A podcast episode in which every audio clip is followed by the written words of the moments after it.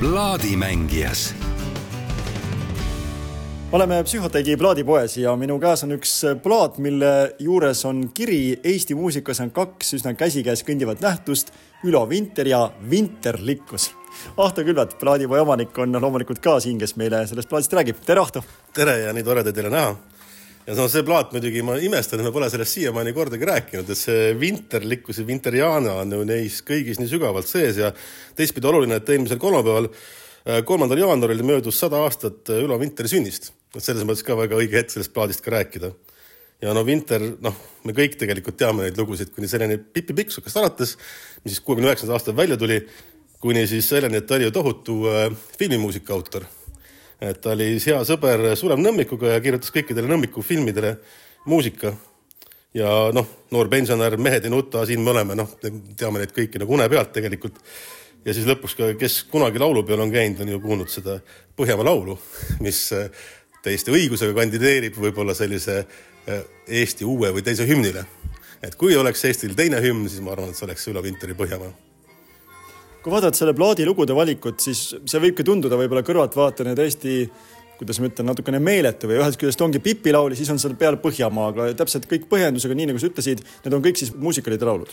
jah, suuresti küll, et need on Pipi laulud ja seesama Põhjamaa, kusjuures see on huvitav, et see laul on tegelikult Rootsist onju see meie alternatiivne M, mis võiks olla ja seal on selline rida, kus kõlab siis nii Hellad on su aisa kellad ja algselt nad oleks pidanud olema kirikukellad, aga kuuekümne üheksanda aasta Nõukogude Eestisse nagu kuidagi ei sobinud, siis aga noh, rootslastele need aisakellad käisid küll.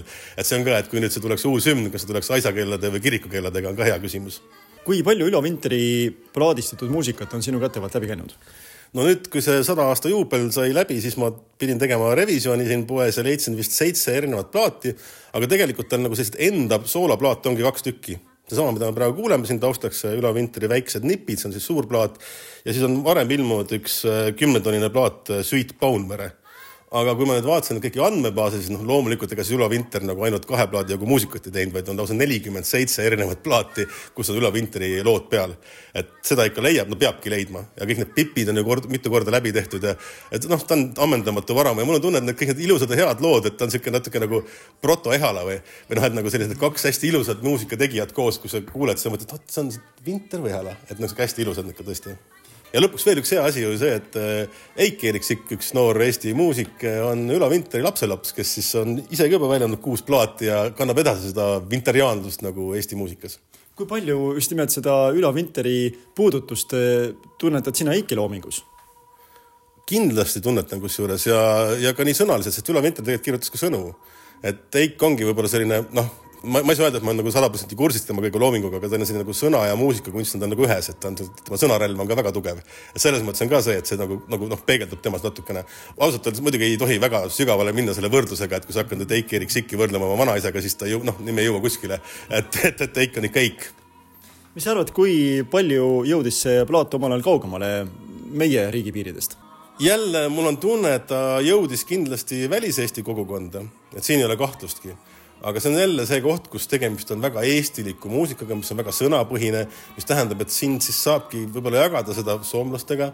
ja siis on mõned, eks ju, need meie sellised tuntud äh, Eesti austajad nagu jaapanlased või, või istlandlased või siis, äh, või siis iirlased, kes siis millegipärast meil on nagu, jagame seda nagu seda rütmi võib-olla. aga muidu on jah, ma arvan, et ongi raske, et see on sama, sama sihuke raske saatus nagu Oreli poisil näiteks ka, et ta on nagu lihtsalt nii Eesti, sõnaliselt Eesti keskne, et seda on väga raske nagu mujal nagu noh, jagada aga kui sul astub poodi sisse jaapanlane, ütlebki, tahaks midagi omapärast, Eesti pärast, siis Ülo Vinter on üks nendest autoritest, keda sa võid talle toetada. kohe, esimese või teise plaadina, kui sa niimoodi ütled, ma ütleks kohe Ülo Vinter, jah nimetame mõned eh, esinejad, artistid ka ära, kes neid laule siin laulavad, ilmselt teatud põlvkond jälle on kursis, aga nimetame üle siiski.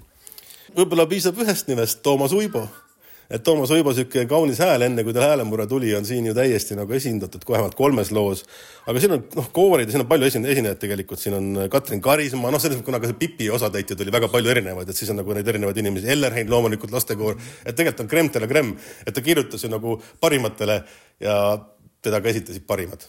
ja kuulame kohe plaati ka, aitäh sulle.